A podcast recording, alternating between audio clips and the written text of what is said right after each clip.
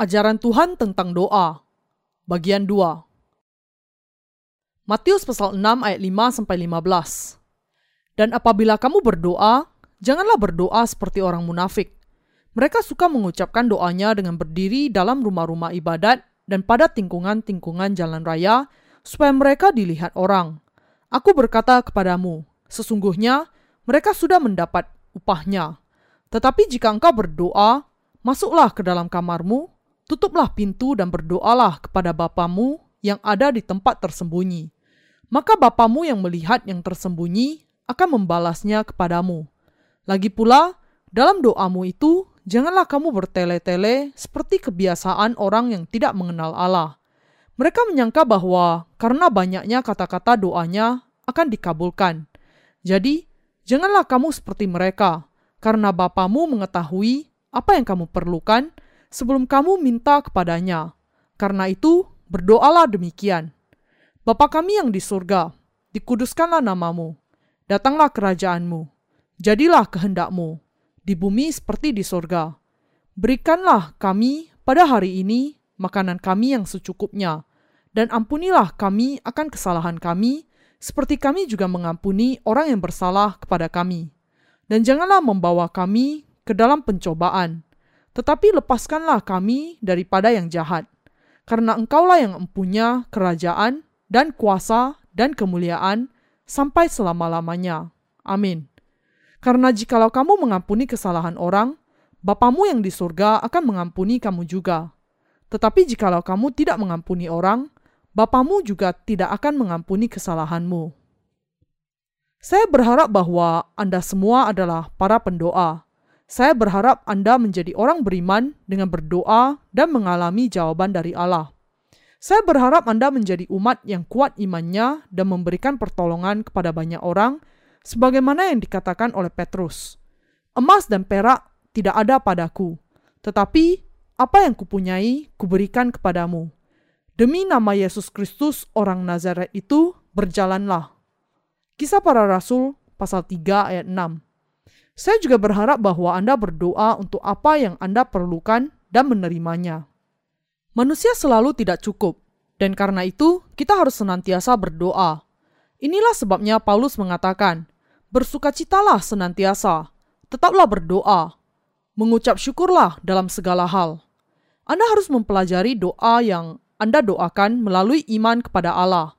Kalau Anda tidak mengembangkan kebiasaan berdoa bersama, untuk suatu pokok doa, Anda tidak akan bisa berdoa dengan penuh keberanian ketika Anda perlu berdoa bagi diri Anda sendiri nanti. Doa adalah nafas kehidupan dan sebuah cek kosong. Ini berarti apa pun yang Anda minta kepada Allah, Dia akan memberikannya kepada Anda. Karena Allah adalah Bapa orang-orang benar, ketika kita berdoa, Dia mendengar dan akan memberikan jawabannya kepada kita kita harus meminta pertolongan Tuhan dengan iman kepada Injil, air, dan roh. Matius pasal 7 ayat 7 sampai 12 menjelaskan kepada kita tentang doa. Mintalah, maka akan diberikan kepadamu. Carilah, maka kamu akan mendapat. Ketoklah, maka pintu akan dibukakan bagimu. Karena setiap orang yang meminta, menerima. Dan setiap orang yang mencari, mendapat. Dan setiap orang yang mengetuk, baginya pintu dibukakan. Adakah seorang daripadamu yang memberi batu kepada anaknya jika ia meminta roti, atau memberi ular jika ia meminta ikan? Jadi, jika kamu yang jahat tahu memberi pemberian yang baik kepada anak-anakmu, apalagi Bapamu yang di surga, ia akan memberikan yang baik kepada mereka yang meminta kepadanya. Segala sesuatu yang kamu kehendaki supaya orang perbuat kepadamu, perbuatlah demikian juga kepada mereka. Itulah isi seluruh hukum Taurat dan kitab para nabi. Bagian ini mengatakan bahwa ketika kita sungguh-sungguh meminta dengan iman, Allah Bapa akan memberikannya kepada kita. Tuhan sudah mengajarkan kepada kita bagaimana caranya berdoa dan bahwa Bapa mengerti segala sesuatu yang kita perlukan. Tetapi kita masih tetap harus berdoa kepada Allah dan hanya setelah itulah Allah mendengar doa kita dan memberikan jawaban kepada kita. Meskipun kita perlu belajar tentang anugerah Allah melalui Injilnya, kita juga harus belajar menjalani kehidupan persekutuan dengan Allah. kita perlu belajar melalui iman kita bahwa jika kita, orang-orang benar, berdoa kepada Bapa, Dia akan menjawab doa-doa kita. Ketika Allah Bapa adalah Bapa dari mereka yang percaya kepada Injil, air, dan Roh, mengapa Dia tidak memberikan hal-hal yang baik kepada anak-anaknya yang meminta dalam kebutuhan mereka? Kita harus percaya bahwa Allah adalah Bapa kita dan memberikan hal-hal yang baik setiap kali kita berdoa. Kita harus berdoa dengan iman yang percaya di dalamnya. Orang-orang yang tahu bagaimana caranya berdoa kepada Allah dengan tekun dalam iman bisa berdoa untuk saudara dan saudari mereka dan untuk keselamatan jiwa-jiwa yang lain. Yang membuat seseorang menjadi orang yang penuh iman adalah yang berusaha untuk berdoa di dalam kebenaran Allah. Iman mereka yang percaya kepada keselamatan sejati dari juru selamat tidak bisa tidak bertumbuh secara bertahap, sementara mereka mengalami kuasa ketekunan doa. Karena itu, kita harus belajar tentang doa melalui iman. Meskipun kita sudah dibebaskan dari dosa-dosa kita sekali untuk selamanya, dengan Injil, air, dan Roh, kita harus berdoa kepada Allah dengan tanpa henti, sebagaimana kita juga senantiasa bernafas. Kalau kita berdoa kepada Tuhan senantiasa meminta pertolongan, Dia akan mendengarkan kita. Kita harus menjalani kehidupan dengan membangunkan hubungan dengan Allah melalui iman, berkomunikasi dengan Dia, senantiasa meminta pertolongannya dan menerima pertolongannya. Saya berharap bahwa Anda menjadi orang-orang yang berdoa dan bahwa saya juga bisa menjadi orang yang berdoa dengan iman. Saya juga berharap bahwa Anda dan saya bisa belajar berdoa sehingga kita bisa menjadi orang-orang yang berdoa dengan iman dan mengalami jawaban-jawaban. Saya berharap bahwa Anda dan saya akan meminta kepada Allah akan banyak hal, sehingga kita bisa menjadi kaya di dalam iman, kekayaan, dan kebenaran Allah dan bahwa kita bisa membaginya semuanya itu dengan orang-orang lain. Saya berharap bahwa Allah memberikan kepada kita berkat-berkat ini dan menjadikan kita diberkati saat kita menjadi orang-orang yang berdoa dengan benar. Kita harus meminta iman yang memuliakan nama Allah Bapa yang kudus. Di dalam pelajaran Alkitab hari ini, Tuhan mengajarkan kita apa yang harus didoakan dan bagaimana cara berdoa terlebih dahulu. Dia mengatakan, karena itu, berdoalah demikian. Bapa kami yang di surga, dikuduskanlah namamu. Matius pasal 6 ayat 9. Tuhan memerintahkan agar kita berdoa terlebih dahulu untuk bagian ini. Bapa kami yang di surga, dikuduskanlah namamu. Kita harus berdoa terlebih dahulu agar nama Allah Bapa dikuduskan. Agar bisa melakukan itu, iman yang bagaimana yang harus kita miliki? Tentu saja, kita harus memiliki iman yang percaya kepada Injil keselamatan yang memberikan pengampunan dosa kepada kita.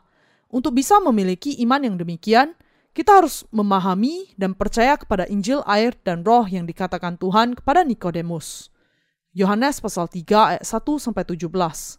Karena itu, kalau kita mau menguduskan nama Allah Bapa yang ada di surga, kita harus terlebih dahulu menjadi seseorang yang menerima pengampunan dosa di hadapan Allah.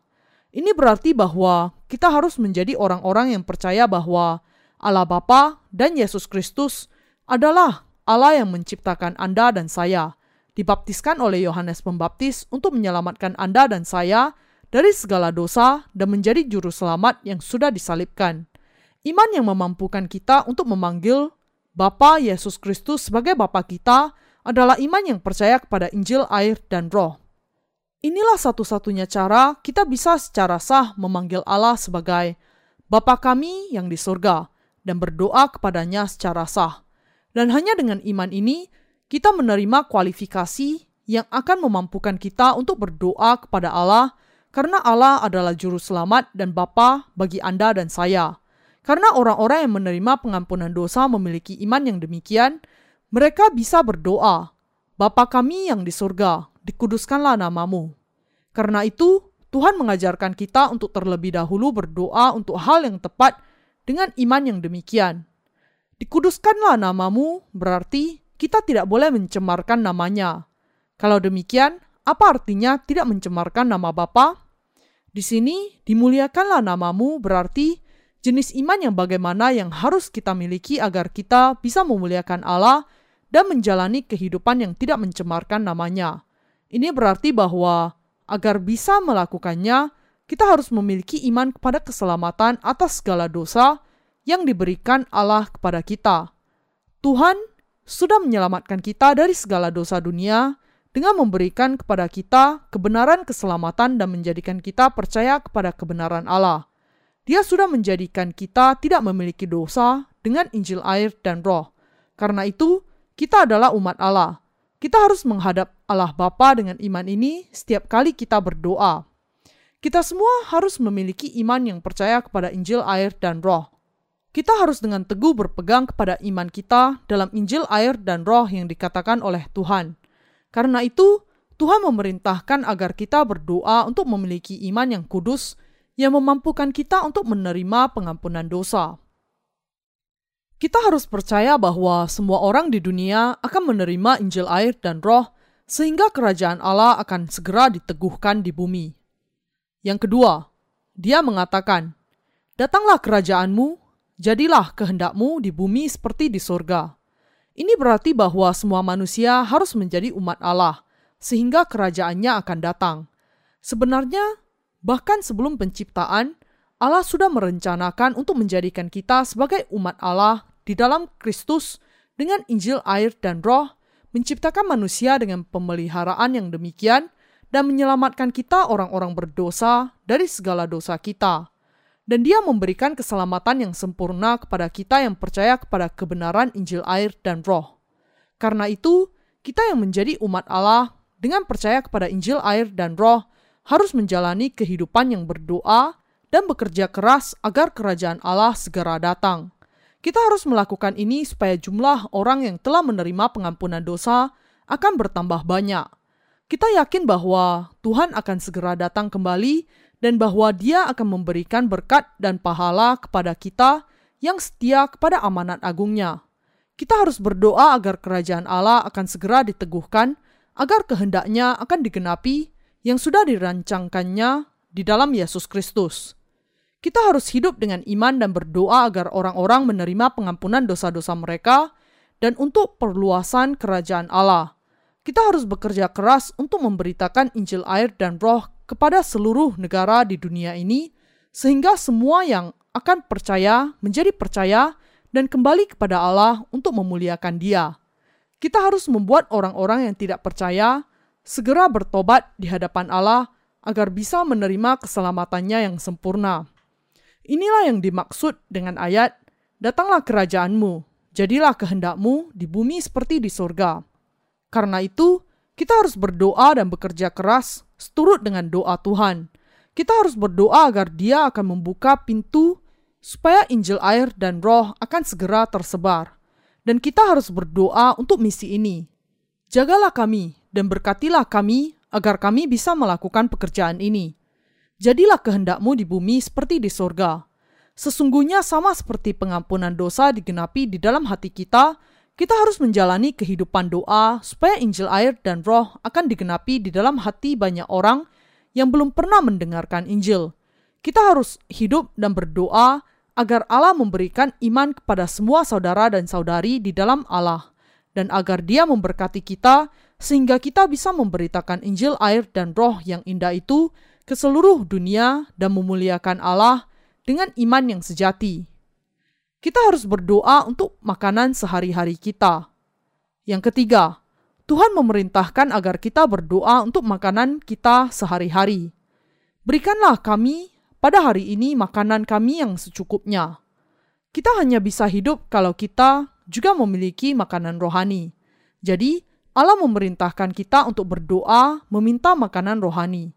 Dia mengatakan bahwa kita harus meminta makanan kita setiap hari kita harus berdoa untuk makanan sehari-hari kita. Allah, tolonglah kami supaya kami bisa makan makanan rohani dan tetap hidup. Allah memerintahkan agar kita berdoa untuk makanan sehari-hari. Jadi, kita harus berdoa seperti ini. Allah Bapa, penuhilah kami dengan materi duniawi supaya kami tidak berkekurangan materi untuk daging dan roh.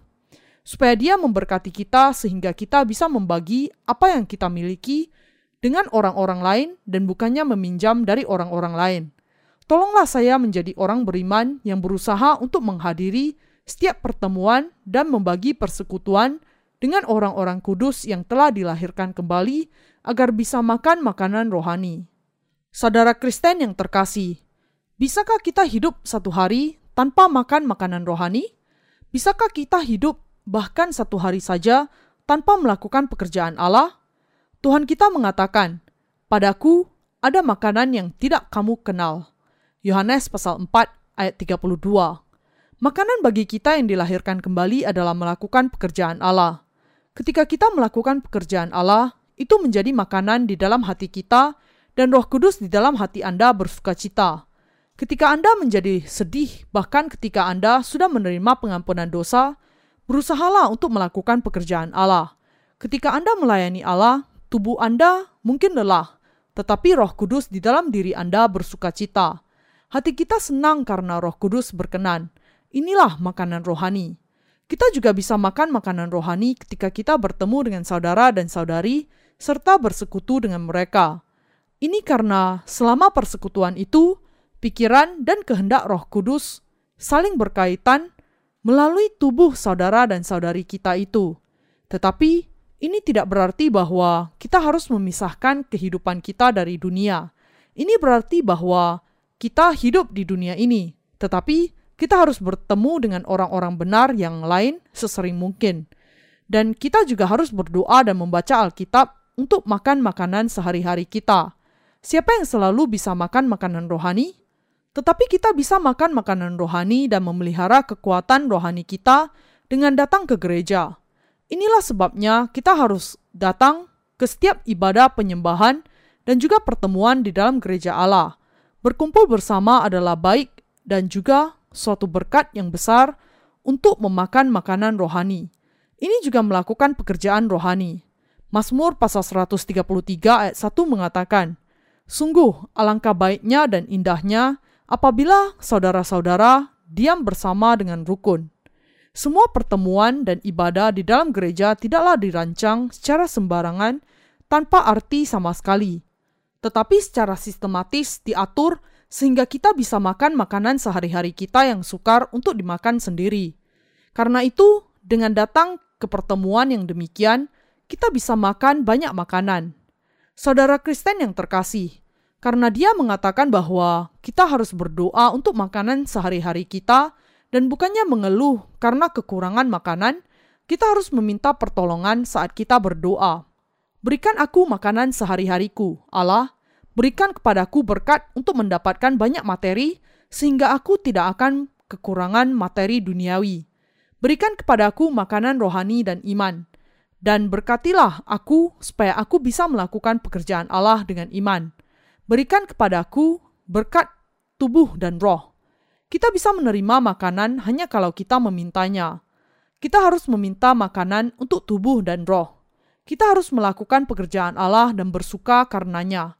Kita harus berdoa, mencari, mengetok, dan memintanya. Kita harus meminta secara aktif, karena Yesus berjanji kepada kita, Mintalah, maka akan diberikan kepadamu. Carilah, maka kamu akan mendapat. Ketoklah, maka pintu akan dibukakan bagimu. Matius pasal 7 ayat 7. Kita meminta dengan hati kita, mengakui dengan mulut kita, dan melakukannya dengan mencari, meminta, dan menerima. Kalau kita memandang ke atas, berdoa, dan mencari tahu bagaimana dan melalui apa Allah akan memberi kepada kita, kita akan menerimanya. Demikianlah kita hidup setiap hari. Karena itu, Tuhan memerintahkan agar kita berdoa untuk hal-hal ini. Kita harus saling mengampuni sebagai anak-anak Allah Bapa. Bagian keempat dari doa ini adalah, dan ampunilah kami akan kesalahan kami, seperti kami juga mengampuni orang yang bersalah kepada kami. Ini berarti bahwa karena Allah mengampuni segala dosa kita, maka tidak ada alasan sama sekali bagi kita, orang-orang yang dilahirkan kembali, untuk tidak saling mengampuni. Kalau ada kejahatan duniawi di dalam hati kita yang tidak bisa mengampuni orang-orang lain, maka Anda harus berdoa. Allah, jagalah aku dan peliharalah aku dari yang jahat supaya aku tidak jatuh ke dalam kejahatan, dan berikan kepadaku hati dan iman yang bisa mengampuni. Ini berarti bahwa ketika kita tidak memiliki kekuatan untuk mengikuti kehendak Allah, kita harus meminta Allah untuk menolong kita dan hidup dengan pertolongan dari Allah. Selain itu, tidak ada seorang pun yang kehidupan imannya sempurna sejak awal. Ketika Anda memandang diri Anda sendiri, apakah Anda melihat banyak kelemahan Anda? Ya. Apakah kita memiliki lebih banyak kesalahan dibandingkan dengan kebenaran? Ya. Saudara Kristen yang terkasih, jangan putus asa. Kalau kita membuat kesalahan, memiliki kekurangan, dan menderita dalam hati nurani kita, tetapi tidak memiliki kekuatan untuk melakukan apa yang benar, apa yang harus kita lakukan, kita berseru kepada Allah lagi. Allah Bapa, jadikanlah aku seseorang yang diberkati, orang yang beriman dan orang yang bersuka cita. Berikanlah aku iman. Bukankah kita harus meminta demikian kepada Allah? Bukankah itu benar? Memang itulah yang harus kita lakukan. Ketika kita meminta tolong kepada Allah, apakah Dia akan menolong kita atau tidak? Dia akan menolong. Ketika Dia menolong, kita menjadi orang beriman atau tidak? Ya, karena itu saya berharap bahwa Anda menjadi orang beriman yang mencari dan hidup oleh iman dan bukannya menjadi orang-orang yang memandang ke belakang dan putus asa, menyesali masa kini, dan menyerah pada masa depan. Masa lalu adalah masa lalu, dan masa kini adalah masa kini. Masa lalu tidaklah terlalu penting seperti isi sebuah lagu. Janganlah bertanya tentang masa lalu. Allah itu berkuasa, jadi dia menyukai orang-orang yang banyak meminta kepadanya. Dia tersinggung jika kita tidak meminta. Ketika kita meminta kepada Allah untuk apa yang kita perlukan, dia sangat berkenan dan mengatakan, "Kamu tahu bahwa aku berkuasa. Kamu tahu bahwa aku adalah Bapamu yang kaya." Itu sangat baik. Kita harus meminta hal-hal yang baik dan bukannya mengatakan, "Aku bisa melakukannya sendiri." Karena kalau demikian, maka kita menganggap Allah tidak berkuasa. Allah yang menyelamatkan kita sangat senang ketika kita meminta kepadanya untuk memberikan banyak hal kepada kita. Mintalah kepadanya untuk memberi, memberi, dan memberi. Kita harus meminta setiap hari. Berikanlah kepada kami makanan sehari-hari kami, dan meminta kepadanya agar memberkati kita dengan berkat-berkat setiap kali kita membuka mulut kita. Kalau ini adalah Bapa kandung kita, dia akan menampar kita karena kita meminta terus setiap hari. Tetapi Bapa rohani kita tidaklah demikian. Justru dia berkenan bahwa kita meminta kepadanya untuk memberikan apa yang kita perlukan untuk bekerja bagi Injil air dan roh setiap hari. Kalau Bapa kandung Anda memberikan kepada Anda kemarin dan Anda meminta hal yang sama hari ini, dia pasti menjadi marah, sehingga anak kandung tidak bisa meminta karena takut. Kita melihat dulu perasaan ayah dan ibu kita dan kemudian berpikir, "Oh, kalau saya meminta untuk diberi hari ini, saya akan ditampar." Dan kalau nampaknya dia dalam mood yang baik, barulah kita berani datang kepadanya dan meski demikian kita juga jarang menerima apa pun. Namun Bapa rohani kita tidak demikian.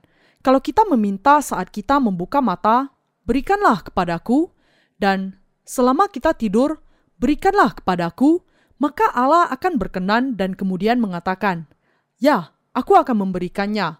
Aku akan memberikannya, tetapi jangan pakai secara sembarangan. Namun, pakailah secara tepat, oke? Okay? Dan kemudian memberikannya kepada kita. Kenyataannya memang demikian.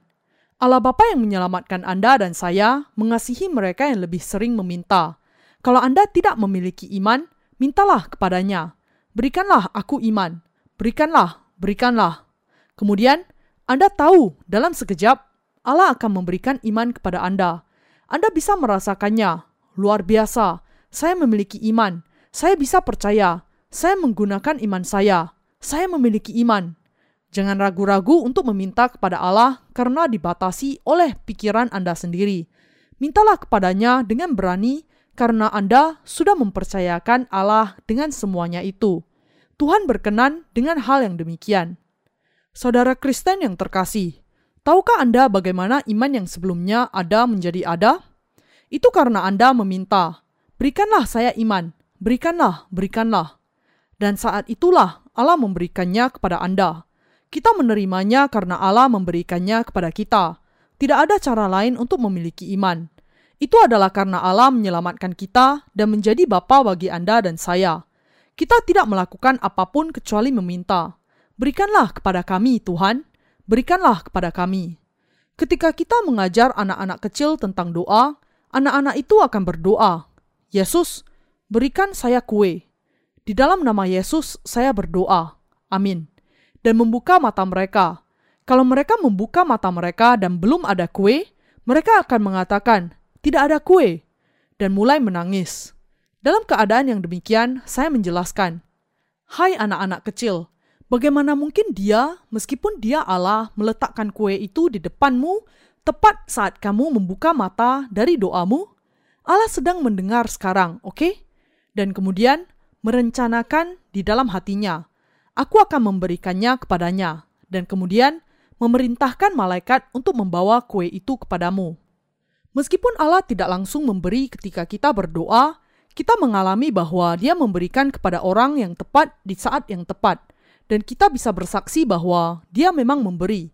Inilah sebabnya kita harus senantiasa berdoa agar Dia memberikan banyak kepada kita. Apakah Anda memiliki banyak keperluan? Kalau ada sesuatu yang kita perlukan atau kekurangan untuk daging atau roh kita, kita harus berdoa untuk semuanya itu. Berikanlah kami iman, berikanlah kami berkat, berikanlah kami kepenuhan Roh Kudus. Saya mendengar bahwa ada kepenuhan Roh Kudus. Berikanlah itu kepada kami. Tolonglah kami hidup untuk kebenaran. Berikanlah kepada kami. Kalau kita berdoa demikian, meskipun itu doa seorang anak kecil, karena Bapa mengenal apa yang diperlukan seorang anak, dia memberikan kepada anak kebutuhan itu kepada orang yang tepat di tempat yang tepat. Inilah sebabnya berdoa itu tidak sulit. Dengan mengatakan, "Berikanlah kepada saya," saja adalah sebuah doa. Apakah Anda berpikir demikian? Tetapi saya seorang dewasa. Dia melarang kita untuk mengulang doa kita secara bertele-tele. Dan Alkitab juga mengatakan bahwa saya harus masuk ke kamar ketika berdoa. Tetapi kalau saya masuk ke kamar, saya tidak bisa berdoa dan hanya mengantuk saja. Berdoa dan meminta pertolongan senantiasa di dalam hati kita, berikanlah kepada kami, berikanlah kepada kami adalah sebuah doa. Semenjak saya sudah mulai berdoa, saya mendapati bahwa dia tidak suka doa-doa dengan ungkapan-ungkapan yang berbunga-bunga. Ketika saya berputar-putar dengan mengatakan, Allah kami yang kudus, mulia, penuh rahmat dan maha kuasa, Bapa. Maka Allah menjadi tidak sabar dan mengatakan, apa sebenarnya tujuannya? Tidak peduli berapa lamanya kita berputar-putar dengan keahlian berbicara yang hebat, kalau kita tidak mengatakan tujuan kita, itu tidak ada apa-apa. Ketika kita sungguh-sungguh sangat menginginkan keperluan yang mutlak, pokok doa yang utama akan keluar dengan sendirinya. Berikanlah ini kepada saya. Lebih lagi, memakai satu kalimat yang pendek ketika kita berdoa. Ketika kita memakai kalimat yang panjang yang tidak diperlukan hanya untuk terlihat baik, kita justru akan lupa dengan apa yang kita doakan. Apa yang akan saya doakan? Ya ampun, saya tidak tahu. Kemudian kita berdoa untuk sesuatu yang tidak masuk akal dan akhirnya berdoa untuk orang lain dan tidak sampai kepada doa yang kita perlukan itu. Bukankah Anda sering melakukan hal itu? Ketika kami baru membuka sekolah misi, kami biasa berdoa sambil duduk melingkar setelah mengakhiri sebuah kelas. Kami sering berdoa bersama-sama dan kadangkala berdoa secara bergiliran. Kami berdoa begitu lama, biasanya lebih dari dua jam, sampai punggung kami sakit. Pemimpin doa terus memberikan topik-topik doa, dan kemudian kami berdoa bersama. Beberapa saudara dan saudari kemudian mengeluh bahwa punggung mereka menjadi sakit karena pertemuan doa yang panjang itu. Saya diberitahu sebuah episode di mana suatu hari seorang penatua dari sebuah gereja berdoa di sebuah persekutuan doa pagi selama tiga jam dengan menyebutkan bagian-bagian dari kitab kejadian sampai wahyu. Doanya tidak selesai sampai orang-orang yang ada di gereja itu pulang untuk makan sarapan dan kembali lagi. Dia masih berdoa.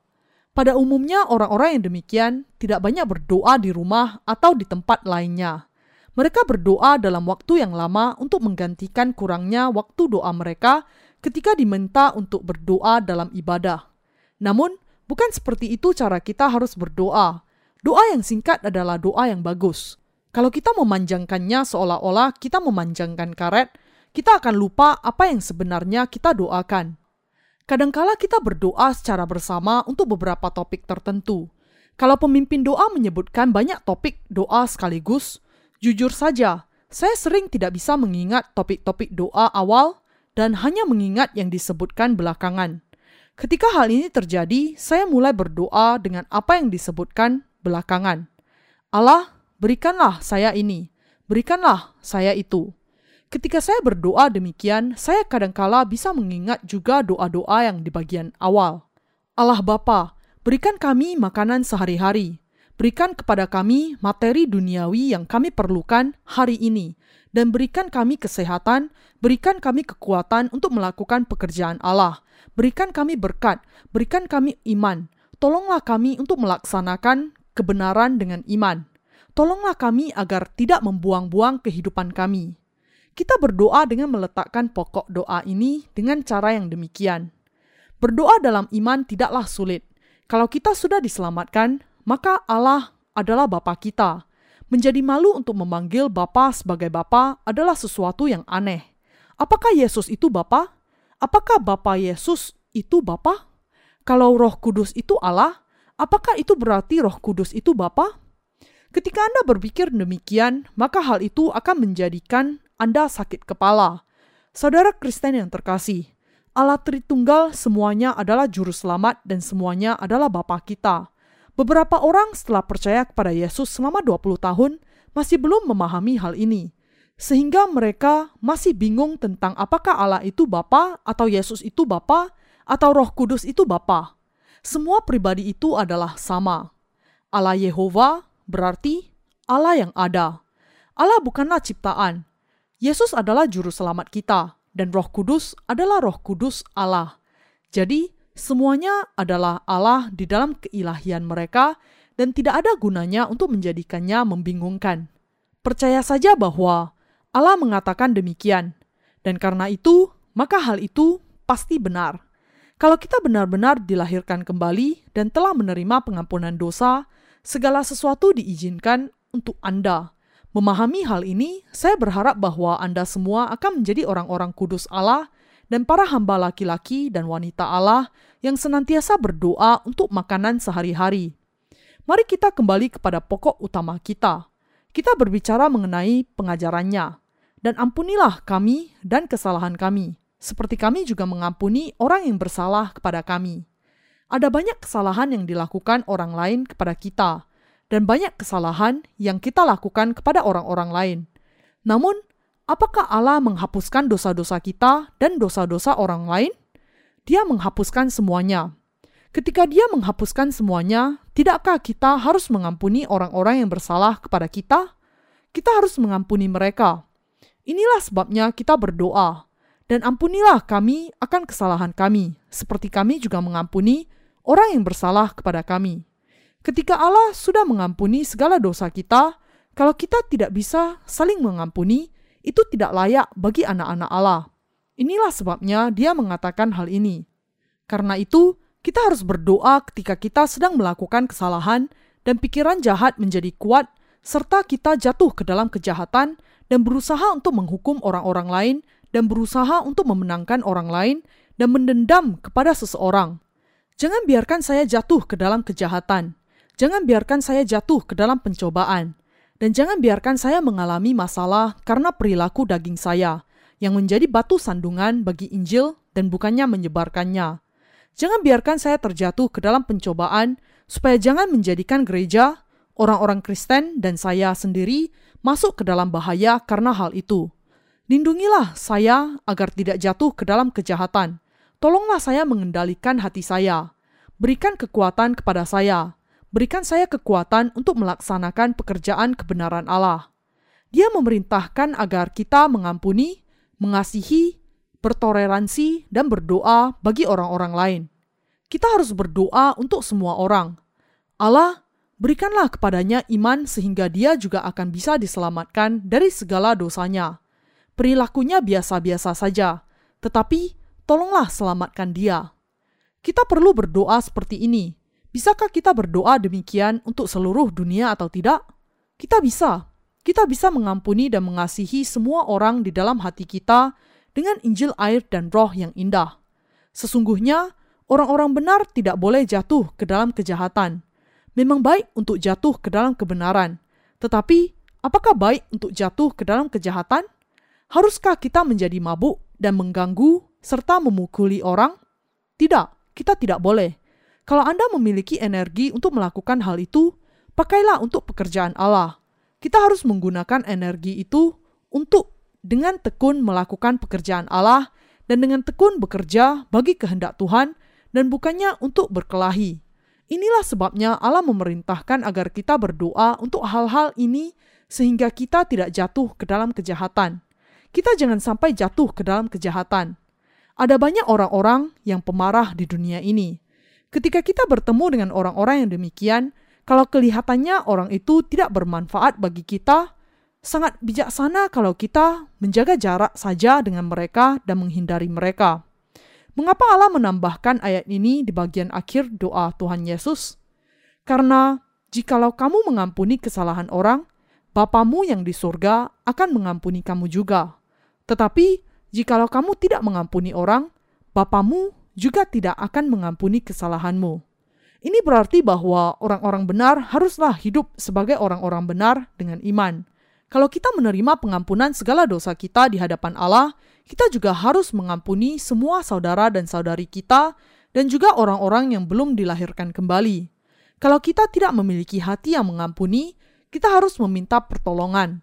Allah Bapa berikanlah kepada saya hati yang mengampuni. Untuk memberikan perintah ini kepada kita, Allah menambahkan pengajaran ini di akhir doanya.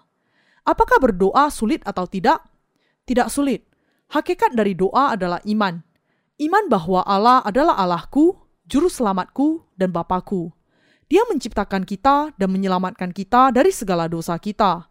Kalau demikian, kita orang-orang yang dilahirkan kembali adalah umatnya anggota keluarganya, dan anak-anaknya. Sangat wajar bahwa kita memanggil dia Bapa. Lebih lagi, adalah benar untuk bersyukur kepadanya karena kita adalah umatnya. Kita harus berdoa agar kita jangan sampai terjatuh ke dalam kejahatan dan pencobaan, dan jatuh ke jalan yang salah. Yesus mengajarkan kepada kita apa yang perlu kita doakan terlebih dahulu. Tetapi, carilah dahulu kerajaan Allah dan kebenarannya, maka semuanya itu akan ditambahkan kepadamu. Apakah ada sesuatu yang Anda butuhkan? Kalau begitu, berdoalah dan hiduplah bagi kerajaan Allah terlebih dahulu. Bapa Anda akan memberikan segala sesuatu untuk Anda. Inilah janji Allah. Jadi, kita harus percaya kepada hal ini. Mencari karya Allah terlebih dahulu, meskipun kita memiliki kekurangan, berusaha untuk hidup sesuai dengan kehendak Allah terlebih dahulu, dan meminta pertolongan Allah. Kita harus senantiasa memiliki kerinduan untuk bertumbuh di dalam roh dan setia kepada karya Allah dengan menerima anugerahnya dan pertolongannya meskipun kita memiliki kekurangan. Apakah Anda mengerti? Ya. Apakah Anda percaya? Ya. Ketika kita berdoa bersama-sama, kita harus berdoa dengan hati-hati, dengan suara keras. Ketika Anda melakukan itu, pikiran Anda akan diatur dengan baik sehingga akan menumbuhkan iman Anda dan mengatakan, "Saya berdoa seperti ini dan saya percaya seperti ini." Dan ketika Allah menjawab, kita tahu bahwa jawaban datang dari Allah karena saya berdoa seperti ini, dan iman kita bertumbuh. Inilah sebabnya sangat baik untuk berdoa dengan hati-hati di dalam mulut kita. Selanjutnya, ketika kita berdoa, sangat mungkin untuk berdoa tentang hal yang sama berulang kali namun jangan sampai kita berdoa hanya untuk formalitas. Kadangkala hati mengatakan demikian, tetapi beberapa hal yang kurang baik yang justru keluar dari bibir. Ketika hal yang demikian terjadi, kita harus memperbaikinya dengan kata-kata. Allah melihat, mengerti, dan bekerja di pusat hati kita. Tetapi sangat penting untuk mengakui dengan benar dengan mulut kita juga. Itulah sebabnya Alkitab mengatakan, karena dengan hati orang percaya dan dibenarkan, dan dengan mulut orang mengaku dan diselamatkan. Dan Tuhan mengatakan, segala sesuatu yang kamu kehendaki supaya orang perbuat kepadamu, perbuatlah demikian juga kepada mereka. Itulah isi seluruh hukum Taurat dan kitab para nabi. Matius pasal 7 ayat 12. Kalau kita sungguh-sungguh mau menerima sesuatu, kita harus berdoa. Kalau kita sungguh-sungguh ingin memiliki iman di hadapan Allah, ingin hidup dengan iman, ingin hidup dengan benar, ingin memiliki kehidupan yang berkelimpahan dalam daging dan roh, kita harus sering meminta banyak hal. Mari kita hidup dengan iman yang demikian. Mari kita hidup dengan iman yang demikian dan menyambut Tuhan ketika Dia datang kembali. Inilah iman saya dan inilah doa saya di hadapan Allah. Dan saya percaya bahwa hal itu akan terjadi. Ketika kami menetapkan diri kami sendiri untuk memberitakan Injil yang benar ke seluruh dunia melalui pelayanan literatur, uang dalam jumlah yang sangat banyak akan dibutuhkan. Karena keuangan memang sesuatu yang sangat penting untuk penerbitan, saya percaya bahwa Allah akan mengurusnya bagi kami. Allah sudah memenuhi kebutuhan kami sampai saat ini dan pastilah akan mendukung kami secukupnya. Kami sudah bisa melakukan pekerjaannya dengan baik dan sudah muncul para rekan sekerja yang sangat banyak di antara orang-orang yang dilahirkan kembali melalui pelayanan literatur Kristen. Tetapi si jahat juga mengetahui hal ini dan berusaha untuk menghalangi pelayanan kami. Saya takut bahwa si jahat mungkin akan berusaha mengganggu pelayanan ini dan memberikan banyak kesulitan. Karena itu, kita tidak bisa tidak berdoa kepada Allah meminta pertolongan serta perlindungannya. Ketika kami menerbitkan buku-buku, di banyak kasus kami bekerja sama dengan orang-orang yang dilahirkan kembali. Tetapi kadangkala kami tidak bisa menghindar dari bekerja sama dengan orang-orang yang belum dilahirkan kembali.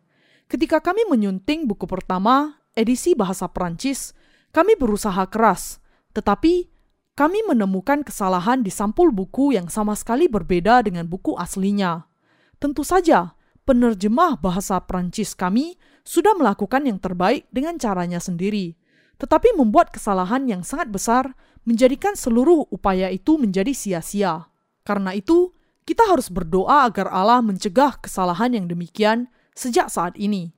Saat ini, versi bahasa Inggris dan Spanyol dari seri Injil kami adalah yang paling populer – Versi populer yang berikutnya adalah bahasa Prancis. Apa artinya? Tempat-tempat di mana Allah bekerja dengan keras, iblis juga berusaha bekerja keras untuk mengganggu pekerjaan kita. Inilah sebabnya kita harus berdoa kepada Allah untuk melindungi kita dari si jahat dan untuk memberikan bimbingan dan berkuasa atas orang-orang yang bekerja sama dengan kami, sehingga segala sesuatu akan berjalan dengan baik. Kita juga harus berdoa agar Allah menolong dan melindungi semua saudara dan saudari dan para hamba Tuhan laki-laki dan wanita yang menyerahkan dirinya kepada misi yang sangat berharga ini. Inilah sebabnya kita berdoa. Anda juga harus berdoa untuk diri Anda sendiri. Allah akan dimuliakan ketika Anda menjalani kehidupan yang setia.